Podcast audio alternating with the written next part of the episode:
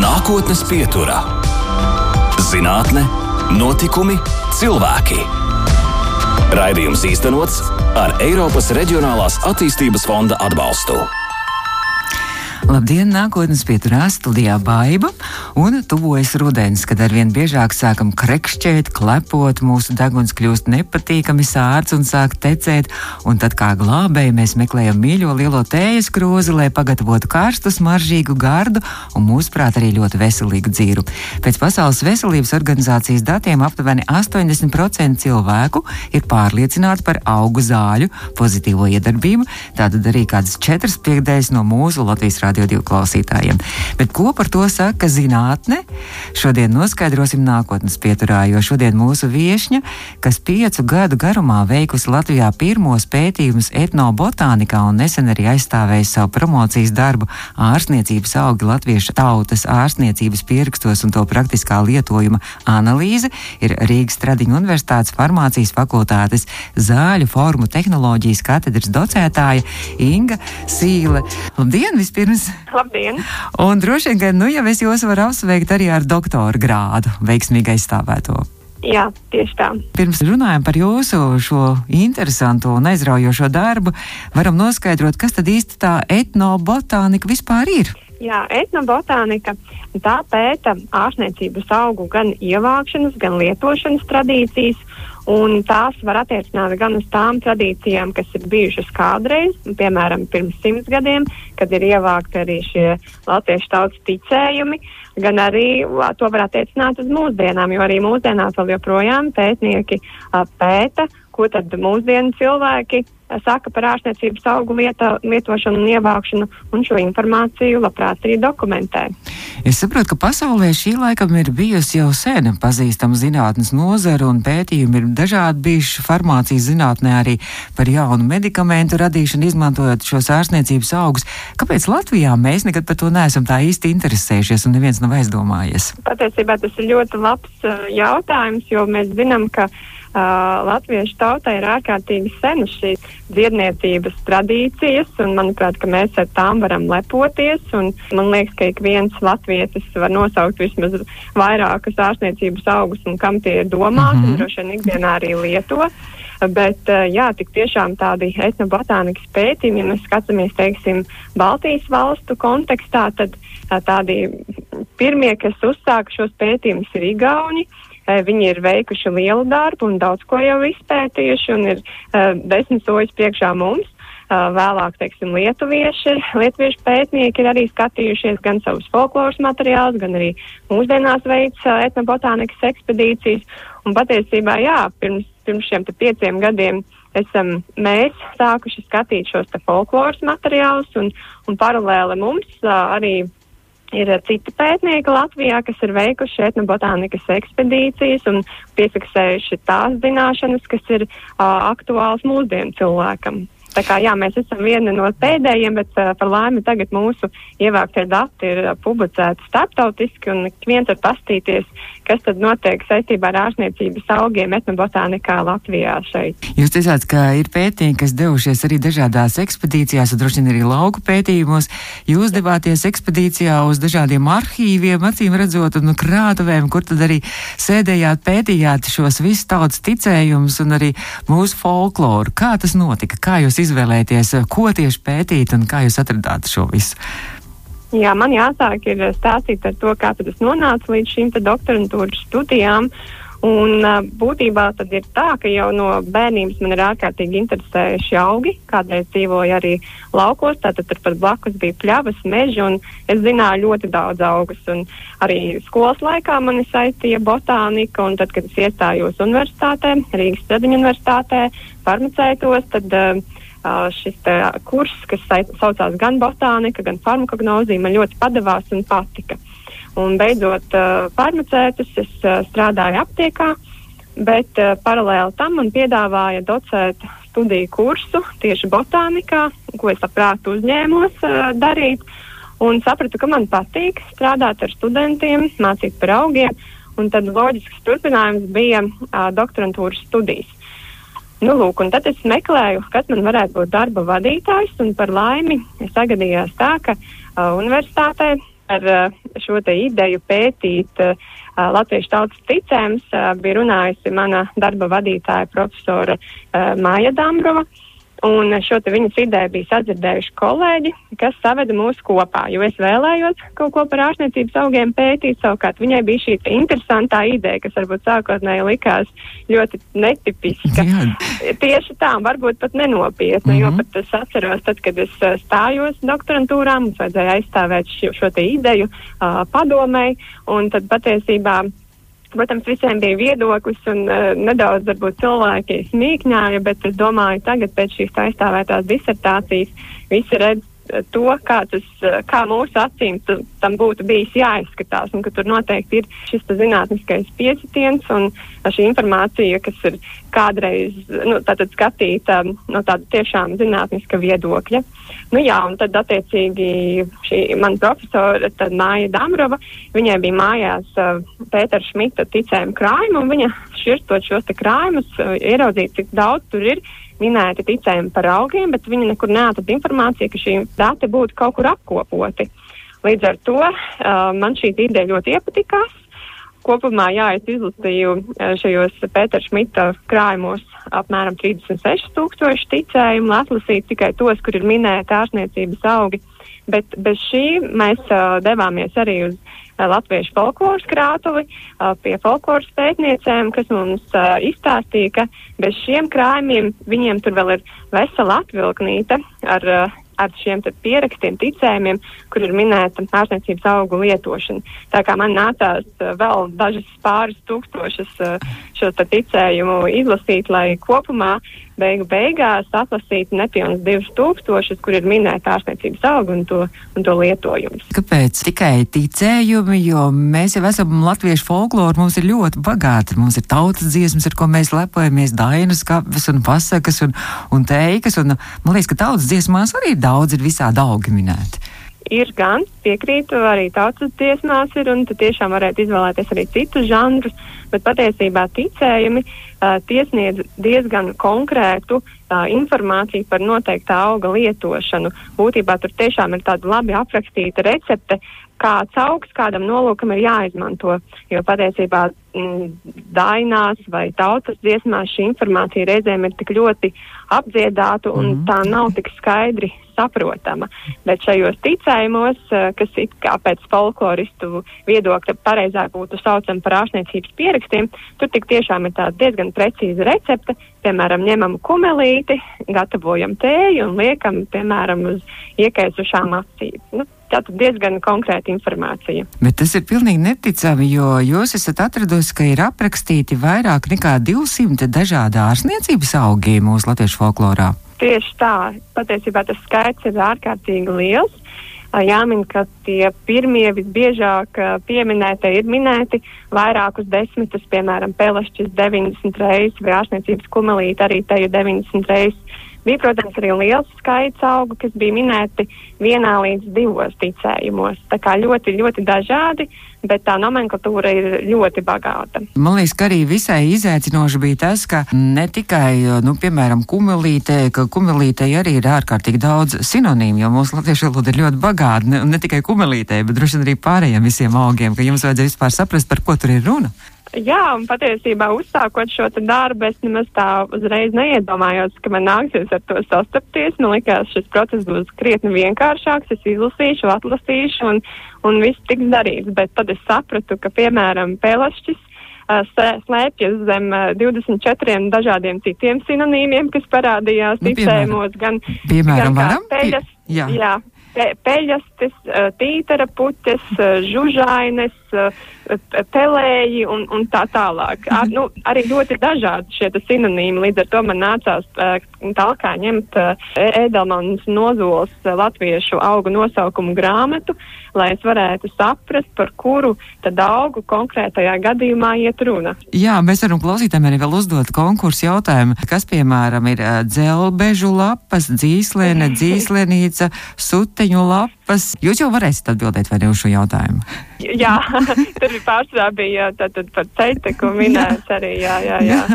Ceļteka, ceļman lapas, jā, tā kā. Jā. Tas arī man liekas, ka ļoti aizraujoši, interesanti, nu, bet arī ļoti izaicinoši papildināt savu valodas krājumu. Jā. Tieši tā, jo nu, daži vārdi es, uh, es biju dzirdējusi arī līdz tam, bet nu, liela daļa bija tiešām tāda ļoti, ļoti interesanta un saudabīga. Bez tam arī viss bija jāpārtulko arī latīņu valodā, jāatrod arī attiecīgs nosaukums. Ja? Jā, tieši tā, katrs tātad uh, izrakstītais ticējums tam pretī tika likts uh, šis gan zinātniskais nosaukums pilnais latviešu valodā, latīņu valodā, centos rakstīt arī angļu valodā. Uh, Protams, arī pierakstīta šajā tabulā tika informācija par to, kura auga daļa tiek aprakstīta lietošanā, kāds ir tas pagatavojuma veids, vai tā ir tēja, novārījums, svaigs materiāls vai kā citādi, un arī tātad tas efekts, kādam nolūkam šis augs ir izmantots. Un vēlāk arī jau mēs uh, analizējām uh, vai konkrēti šiem augiem ir pieejams, piemēram, Eiropas Savienības augu monogrāfijas, kas apraksta uz pierādījumiem balstītu augu izcelsmes zāļu lietošanu. Tā kā tas darbs bija diezgan apjomīgs un patiesībā aizņēma pat, manuprāt, vairāk kā gadu. Jo iedomājieties, šie 211 mm -hmm. augi un pretī visu šī informācija, un tad vēl viņu ir jāprot izanalizēt un savilkt kopā un tad ap, aprakstīt uh, publikācijā, lai varētu šī informācija būt pieejama arī starptautiski. Sāksim ar to tā otra gala. Kādi ir tie neparastākie augi, kas jums pašai varbūt arī radīja pārsteigumu, un varbūt klausītāji pat nebūs dzirdējuši tādas nosaukumus, kas, kas, kas tika arī šajos ticējumos minēti? Jā, bija virkne ar augiem. Jā. Tas, kas man tā ļoti palicis atmiņā, ko es augu līdz šim arī nezināju, piemēram, tāds čemuru palēks, manuprāt, ir ļoti interesants augs. Tad arī interesanti, ka uh, ticējumos bija minēti diezgan daudz tādi augi, kas mūsdienās ir aizsargājami. Piemēram, mm. jumsteņu gladiola. Es zinu, ka šis augs arī netālu aug no manām mājām, un tad man bija interesanti lasīt arī par šo augu, kad arī tas tika aprakstīts. Protams, vienā vai divos ticējumos tas tika minēts, bet, bet tā vai tā tas bija, bija pieminēts. Kas vēl no tādiem mazāk zināmiem, man tad jāvar vaļā, laikam ir lielā tabula un, un, jā, un jāmeklē, bet būtībā jā, grūtāk būtu pateikt, kurš tad no augiem Pārskatot to jūsu tabulu, man arī likās, ka pat vairākas nocaukums es pat tādas nemaz nebiju dzirdējis. Piemēram, Jā. panātre, nātre, es zinu, bet panātre, tāda zidzene, noraga, ilzīte. Jā. Jā, tās ir, ne Ildīte ir ar manām farmaceita acīm skatoties arī zināms augs, ir, tā ir no kurzvieža dzimtas un uh, dzeltenā krāsā nedaudz varbūt atgādina kumelīti, ja mēs tā salīdzinām, kam līdzīga. Savukārt panāta tā arī ir ļoti bieži Latvijas florā sastopama. Viņa gan nedzels kā nātra, un tā ir savukārt ar tādu lielāki, baltāki ziedi. Mm, jā, es domāju, ka cilvēki noteikti ir par šiem augiem arī dzirdējuši, arī noraga. Jā. Vēl tāds interesants nosaukums bija vārna kāja. Jā, arī tāds augs ir, jā, tas ir uh, no, no roža dzimtas uh, pazīstams. Gan uh, retāk tāds uh, redzēts uh, dabā arī. Es, es esmu redzējis, bet ne tik bieži. Un patiesībā jau ar tiem augiem, manuprāt, ir tā, ka cilvēki iet, protams, pļavās un, un manuprāt, latvieši ļoti daudz laika pavada dabā. Bet varbūt nevienmēr tik rūpīgi skatās zem kājām un ievēro, kas pa augiem atrodas. Tur ir daži tādi augi, kas ir pavisam neliela augumā un varbūt necili, un tad mēs tā viņiem pājam garām, lai gan viņi turpat arī ir. Un, manuprāt, eh, kas jāsaka paldies, man liekas, mūsdienu tehnoloģijām, tiem cilvēkiem, kam patīk, teiksim, viedierīces, ir iespējams, teiksim, augšu pielādēt tādas aplikācijas, mm -hmm. ka tu nofotografē augu, un viņš tev uzreiz pasaka, kas tas ir par augu. Manuprāt, tas ir ļoti labs veids, veids kā tādiem mm -hmm mūsdienu cilvēkiem, tīpaši jaunatnē, kā viņus iepazīstināt ar dabu. Jo nezinu, vai kāds tāds jaunietis ņems grāmatu un ies pļavā un nu, skatīsies, vai vedīs savu uh, vecmāmu vai mammu pļavā, kas varētu izstāstīt par augiem, bet nu, šī mūsdienu tehnoloģijas var nedaudz atvieglot viņiem šo augu mm -hmm. iepazīšanas procesu. Bet salīdzinoši bieži laikam arī latviešu ticējumos tieši arī koki un krūmi ir pieminēti, kas varbūt arī nav varbūt citiem tik daudz raksturīgi. Jā, tieši tā, ja mēs skatāmies uz, teiksim, visbiežāko, eh, biežāk pieminēto augu uh, desmitnieku, tad tur būs gan ieva, gan ozols, gan kadiķis, bērs. Tā kā šie augi ļoti plaši tika izmantoti medicīnā. Es domāju, ka to varētu skaidrot ar to, ka mēs tiešām atrodamies tādā mežu uh, joslā. Mums ir tātad ne tikai šīs pļavas, bet uh, apjomīgi meži, kuros aug augi ar vērtīgām bioloģiski mhm. aktīvajām vielām, kuriem piemīt ārstējošs efekts. Un, un senie cilvēki, senie latvieši bija novērojuši, ka šos te augus un dažādas to daļas var izmantot ārstniecībā. Mēs esam bagāti, mums tikai tā gudrība jāmācās saskatīt un arī pasmelt. Mēs turpināsim pēc brīža šo interesanto stāstu par ārstniecības augiem. Nākotnes pieturā. Mēs turpinām nākotnes pieturu un Rīgas Tradiņu Universitātes farmācijas fakultātes zāļu formu tehnoloģijas katedras docētāja farmācijas doktora Inga Sīla. Šodien mūsu attālinātā viešņa ir Inga. Turpinām par jūsu interesanto un ārkārtīgi apjomīgo arī šo projektu, ko jūs tikko esat aizstāvējis ārsniecības augu latviešu tautas ārsniecības pierakstos un to praktiskā lietojuma analīzi. Droši vien, ka mēs jau esam saintriģējuši mūsu klausītājus un nu jau viņi gribētu zināt, kāds tad ir tas, piemēram, tas nu, top 10 mēs varētu nosaukt vis, vispopulārākie tie ārstniecības augi, ko atzinuši arī mūsu senie latvieši. Pirmajā vietā izvirzījies ir parastais pelašķis, kas bija pieminēts 90 reizes. Turpat ļoti, ļoti tuvu arī ārstniecības kumelīte, kas bija 89 reizes minēta. Interesanti, ka trešajā vietā bija dārza sīpols, arī tas ārkārtīgi bieži tika pieminēts. Un aiz tiem seko, piemēram, vērmele, uh, ceiteka, tabaka, bērs, ozols, ieva, kadiķis un arī alveja tika plaši lietota.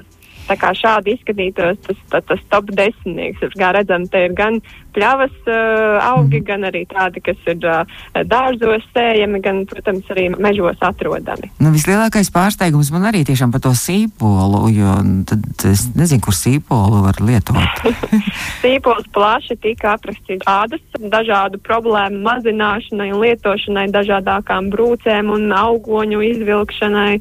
Un tiešām tas tāds vairāk ārīgi. Un, mm -hmm. ja mēs tā kā skatāmies arī no mūsdienu skatu punkta, tad uh, es teiksim, māku arī teikt, ka uh, aptiekās ir pieejamas uh, smērītes, kur tieši arī ir ekstrakti no sīpoliem. Tā kā Tā kā mūsu cenšiem ir uh, bijusi pareiza šī doma lietot uh, sīpolu tieši ārīgi dažādu ādas mm -hmm. problēmu mazināšanai. Par šo top 10 par šiem populārākiem augiem, tad, tad varbūt tur bija arī dažādas metodas un dažādi pielietojumi, kādiem iemesliem arī varam izmantot. Piemēram, es piedomājos, ka kaut kāda kumelīte gan ārstniecības nolūkos tēju dzerot, varbūt tur, varbūt vēders sāpēm un klepumu mm -hmm. un arī vēl kaut kur citur arī droši vien izmantojams. Jā, ja, ja papildinot te, jūs teikto par kumelīti, tad kumelīti mēs varētu saukt kā tādu par panacēju, jo kumelīte bija aprakstīta visdažādāko kaišu ārstēšanai, kas skar burtiski visas mūsu orgānu sistēmas. Gan, gan elpošanas traucējumiem, gan gremošanas, gan ādas problēmām, skelta muskuļu sistēmas problēmām, nervu un, un tā tālāk. Tad, tad kumelīte tik tiešām pret visu. Ja mēs atskatāmies uz to, kuras tad bija tās visbiežāk aprakstītās kategorijas, kurās izmantoja ārstniecības augus, tad visbiežāk uh, tika aprakstīti tieši elpošanas orgānu sistēmas traucējumi, uh, it īpaši klepus bija minēts, tad arī gremošanas orgānu sistēmas traucējumi, kā piemēram vēders sāpes vai, vai caureja, kas uh, bieži nomāca acīm redzot cilvēkus. Arī ādas problēmas uh, bija ārkārtīgi bieži minētas, kā piemēram um, augoņi, iegriezumi, brūces, sasutuši pirkstis, tā, tā kā ādas starp kāju pirkstiem vai kašķis arī bija bieži minēts. Un arī skeltu muskuļu sistēmas uh, problēmas bija bieži minētas, kā arī, piemēram, reimatisms, kaulu sāpes. Un tās bija tās biežāk aprakstītās, kuru mm. mazināšanai izmantoja ārstniecības augus. Un, un ja mēs skatāmies uz šo informāciju, tad mēs redzam, ka patiesībā kādreiz cilvēki ļoti uh, ārstēja simptomus, uh, nenoskaidrot varbūt to patieso mm -hmm. slimības cēloni, jo tātad mazināja klepu, mazināja iesnas, ja tur kaut kas sāpē, tad lietoja to un to augu, bet uh, netika konkrēti teikts vārdiem, lūk, tur tika ārstēts cukur diabēts vai kāda konkrēta nervu sistēmas uh, problēma vai, uh, teiksim, sirds mazspēja. Nu, šādi tas, protams, netika ticējumos mm -hmm. aprakstīts, un to noteikti var skaidrot arī ar uh, slimību diagnostikas attīstību, kas kādreiz, protams, uh, nebija tik augstā līmenī, kā tas ir mūsdienās. Līdz ar to, ka senais cilvēks novēroja šo simptomus un uh, mēģināja tos mazināt, savukārt mūsdienās mēs atkal ļoti mēģinam saprast, kas tad ir izraisījis šo simptomu un meklēt to patieso cēloni, vai tā ir, vai tā ir sirds, vai tās ir uh, aknes, vai nieres, vai, vai kāds cits orgāns, un mēģinam nosaukt to slimību konkrētā vārdā. Mm. Ļoti interesanti, ka, teiksim, šajos ticējumos, kā jau es minēju, piemēram, šīs kardiovaskulārās slimības, neiroloģiskās slimības, arī, piemēram, vēzis bija minēts ārkārtīgi reti. Piemēram, vēzis bija minēts um, pasakot konkrēti šo vārdu vēļus tikai vienā, vienā ticējumā. Un ko tas nozīmē? tas nu, vai, nu tiešām tajā laikā tas tātad nebija tik aktuāli, kā tas ir mūsdienās. Tad mūsdienās uh, mēs uh, raugāmies uz šīm slimībām kopumā, un mēs neskatāmies uz tik ļoti to, uz tiem simptomiem. Protams, arī mm. mūsdienās mēs mazinām bieži vien simptomus, bet uh, arī kādreiz cilvēki varbūt neprata uh, pateikt, kas tā ir konkrēti par slimību, kas viņus ir piemeklējusi. Mm -hmm. Tāpēc arī nebija šajos vārdos nosaukts. Vai bija arī kādi tādi nu, ticējumi, kas drīzāk varbūt kā mājiņticība, kas jūsos izraisīs maidu un neticību, ka tas nu, tiešām tas nevarētu būt, ka tās ir pilnīgas muļķības? Jā, varbūt konkrēti es tagad uzreiz tā neatsaukšu atmiņā, bet uh, ir bijuši gadījumi, kur, kur var redzēt, ka viens ticējums saka, par vienu šī konkrēta auga iedarbību, un cits atkal par tā paša, bet pretēji. Un tad mm. ir jautājums, kur tad ir taisnība tam, kas saka, ka ir, piemēram, pretcaurējs efekts vai tieši otrādā mm -hmm. caurēja veicinošs efekts. Līdz ar to ir bijušas varbūt šādas vietas, mm -hmm. kuras tad attiecīgi pēc tam ir jāizanalizē un jāsaprot no mūsdienu skatu punkta, kur tad ir tā taisnība. Par indīgiem augiem, kas droši vien arī ar ļoti lielu piesardzību un uzmanību jālieto, vai bija arī tāda krasa izteikti kādi indīgi augi arī šajos ticējumos minēti? Jā, indīgi augi bija arī diezgan daudz minēti. Um, tagad mēs viņus varam, um, nu, pie, piemēram, zeltene, kas, manuprāt, lielu popularitāti ieguva arī šajā uh, pavasarī. Bija vairāki raidījumi un televīzijā rādīja, ka cilvēkiem ir jāuzmanās un nedrīkst noteikti plūkt, jo zeltenē visas auga daļas rindīgas un zeltenes zied agri pavasarī ar tādiem uh, rozīgi lilā ziediņiem un atgādina patiesībā ceriņus. Tāpēc arī mm. tautā tos mēdz saukt par uh, meža ceriņiem. Un, jā, šis augs ir ārkārtīgi indīgs, bet tā zariņa tika izmantoti kā uh, līdzeklis zobu sāpju mazināšanai. Uh, ļoti interesants veids, tur tika aprakstīts, ka ņēma zeltainas zariņas un bakstīja attiecīgi zobu, kamēr šīs zobu sāpes pārgāja vai arī zobs izkrita. Nu, tāds interesants mm -hmm. bija, tāda interesanta ticējuma bija. Bet to droši vien praksē arī, neviens negribēs pārbaudīt tagad. e, noteikti, praksē noteikti negribēs pārbaudīt, bet uh, mums bija arī m, nedaudz varbūt arī ieskicējot par uh, eksperimentiem, tad mums šie ticējumi uh, izraisīja ārkārtīgi lielu uh, interesi, vai tas tiešām tā varētu būt, ka izmantojot šo zelta zariņu tiek mazinātas zobu sāpes. Un tad uh, mēs veicām uh, laboratorijā eksperimentus ar svaigām šī auga daļām, teiksim, svaigu augu mīzu un, un uh, koksni mēs likām uz noteiktām šūnām, uh, kas ir kā nervu šūnas, uh, muskuļu šūnas, un skatījāmies, vai uh, ir cita toksiskais efekts, kas attiecīgi varētu būt šādā, šādi pielietojot. Un mēs to tā nenovērojām, -hmm. bet uztaisot no šīm pašām auga daļām mizus un, un koksnes ekstraktu, kas jau ir iekoncentrēts aktīvo vielu uh, tad, tad, uh, materiāls, mēs šo citu toksisko efektu novērojam. Līdz ar to ir jautājums, vai šis vai konkrētais veids, šī bakstīšana ar šo kociņu tik tiešām ir, ir devusi to efektu, vai tomēr vajadzēja pagatavot uh, kādu spirta ekstraktu un, un tā, mhm. tādā veidā kaut kā mazināt tās zobu sāpes. Mūsu attālinātā viešņa šodien ir uh, Stradiņa Universitātes farmācijas fakultātes zāļu formu tehnoloģija katedras docētāja Inga Sīle. Nākotnes pieturā - zinātne, notikumi, cilvēki. Turpinām nākotnes pieturu farmācijas doktora Inga Sīle. Šobrīd ir mūsu studijas attālinātā viešņa un nākotnes pieturas rēdījumā. Mēs runājam par ārstniecības augiem. Pirms mēs turpinām, es tikai gribēju vēl vienu jautājumu pajautāt arī no tā kā personiskās pieredzes.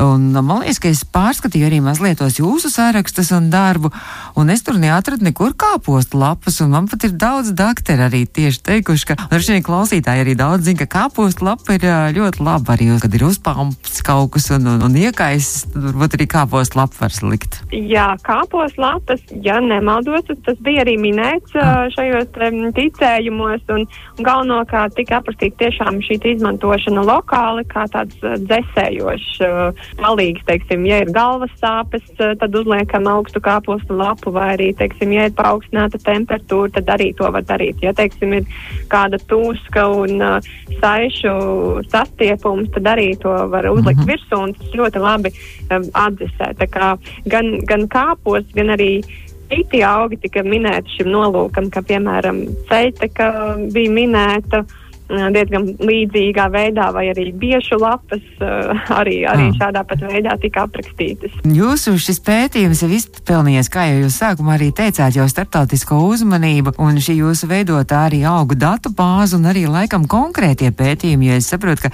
nu, ne tikai jūs sēdījāt folkloras krātuvēs, bet jūs arī veicāt arī pētījumus jau kaut kāds laboratorijā un arī par konkrētiem augiem. Jā, tieši tā. Um, balstoties un iedvesmo, iedvesmojoties no uh, šīs lielās uh, augu tabulas, mēs uh, sapratām, ka ļoti interesants augs ir uh, parastā ieva. Tad, uh, tā bija starp desmit uh, ticējumos visbiežāk minētajiem augiem, bet, ja mēs skatāmies, uh, piemēram, aptiekā ieejot, mēs neredzam nedz ievas, ne augļu, ne ziedu, nekādas citas daļas tēju, neredzam arī, teiksim, kādu uzturbagātinātāju vai arī neredzam to kosmētikas sastāvā. Līdz ar to mums likās interesanti, ja jau vismaz 45 ticējumos bija minēta ieva, kāpēc uh, mūsdienās mēs viņu nekur neatrodam. mm -hmm. Līdz ar to mēs gribējām paskatīties, uh, vai uh, ievai tik tiešām piemīt um, pretiekais un efekts, kas plaši tika aprakstīts uh, šajos ticējumos. Un uh, mums, mēs taisījām pētījumus tieši ar parastās ievas ziediem. Uh, jo par tiem vismazāk ir uh, dati pieejami arī starptautiskā uh, vidē. Līdz ar to mums tie likās ārkārtīgi interesanti. Uh, sākotnēji gan pirmie pētījumi bija veikti arī ar citām ievas daļām, kā piemēram arī augļiem.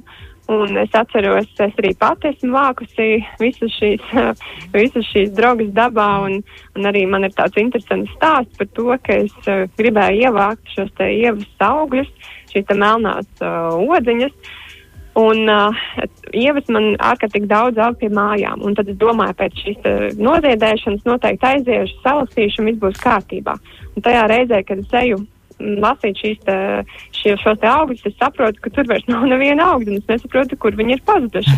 Un tajā reizē es uh, sapratu, kāpēc tad uh, ievu angļu valodā sauc par bird cherry, kas ah. nozīmē tā kā putnu ķirsis. Izrādās, ka putniem ārkārtīgi garšo ievas augļi.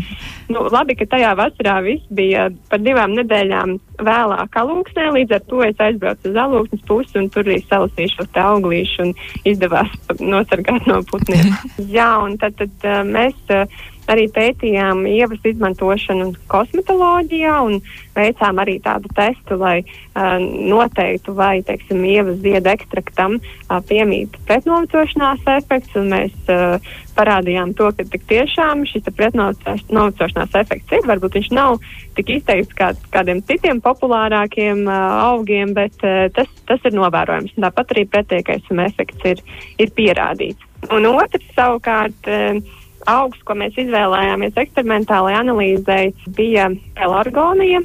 Un latviešu daudz ticējumos tika plaši aprakstīts pelargonijas uh, lapu lietošana ārīgi uh, ausu sāpju mazināšanai, bet mēs izvēlējāmies uh, pētīt tieši pelargonijas sakņu ekstraktu un arī skatīties, kāda ir šī pretiekaisuma aktivitāte, to darbības molekulārie mehānismi un tieši skatīt. Mums bija arī sadarbības projekts ar, ar Lietuvas un Polijas zinātniekiem, kur mēs šo te, šos te ekstraktus iestrādājām speciālos biogēliņos, kas uh, bija paredzēti uh, ievietošanai mm, starp zobu un smaganu periodontīta uh, gadījumā. Periodontīts tātad tas ir uh, smaganu iekaisums, un tad uh, tas tā doma bija veidot šādas nelielas uh, ierīcītes, kas tātad ir piesūcinātas ar šo dabīgo ekstraktu, un uh, ievietojot šajā kabatiņā, Tātad mazināt gan šo iekaisumu procesu, gan arī bakteriālo šo